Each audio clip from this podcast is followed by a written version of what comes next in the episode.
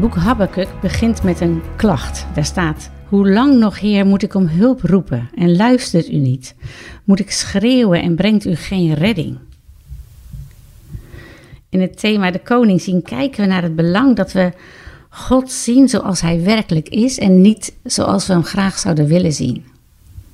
En heel vaak heeft dat te maken met dat we dingen meemaken in ons leven die ons kwetsen, die ons grieven, die ons teleurstellen omdat we hele andere verwachtingen van het leven hebben gehad. En dan bedenken we, ja, maar God, dat had u toch makkelijk kunnen voorkomen. U bent de Almachtige God. Waarom grijpt u niet in? En dan denken we van ja, in de Bijbel staat, u bent de God die geneest. U bent de God die beschermt. U bent de God die bevrijdt. Waar blijft u dan? En het is denk ik heel belangrijk dat we die verschillende karaktertrekken van God, hè, dat Hij de God is die geneest en dat Hij beschermt en bevrijdt, hè, dat we die overeind laten, want ja, dat doet God, maar Hij doet het niet altijd. Dus het is van belang dat we op zoek gaan naar een soort basiskenmerk van wie God is, wat Hem bepaalt. En wat is dat nou? Ik denk dat wat God bepaalt, datgene is wat de Bijbel noemt dat God rechtvaardig is. Hij is rechtvaardig in wat hij doet. Hij doet de juiste dingen. Hij maakt de juiste keuzes. De Engelsen noemen dat right of just. En vroeger zeiden ze: God doet wat recht is. En ik vind het eigenlijk heel mooi, want daar gaat het over. Maar dat betekent gelijk dat wij onze positie moeten kennen als schepselen, als kinderen van God.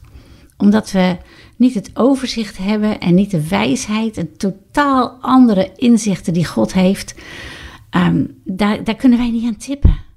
En dus blijven we vaak met vragen zitten. En komt het erop neer van kunnen wij erop vertrouwen dat als wij aanvaarden dat God rechtvaardig is en dat Hij daarin altijd betrouwbaar is, ah, als we dat kunnen, dan hebben we een basis om ehm, ook als dingen tegenzitten of als er diep verdrietige dingen gebeuren, we toch onze, ja, ons vertrouwen op God kunnen blijven stellen. Dat is heel belangrijk. En de dingen die God doet, hè, dat is niet juist omdat God het doet, maar God doet het omdat het juist is. En er is een wereld van verschil daartussen. Nou, Habakkuk, die komt tot de ontdekking dat wat God doet juist is. Aan het eind van het boek schrijft hij: De soevereine Heer is mijn kracht. Hij maakt mijn voeten snel als hinden. Hij laat mij over de bergen gaan. En zijn hernieuwde vertrouwen in God houdt hem stabiel en stevig. En wij hebben het nodig om te worden vastgehouden door die overtuiging dat God rechtvaardig en juist handelt in alles. En dan krijgen we de tredzekerheid, de standvastigheid die we nodig hebben om de rotsige, glibberige levensweg die voor ons ligt te hanteren.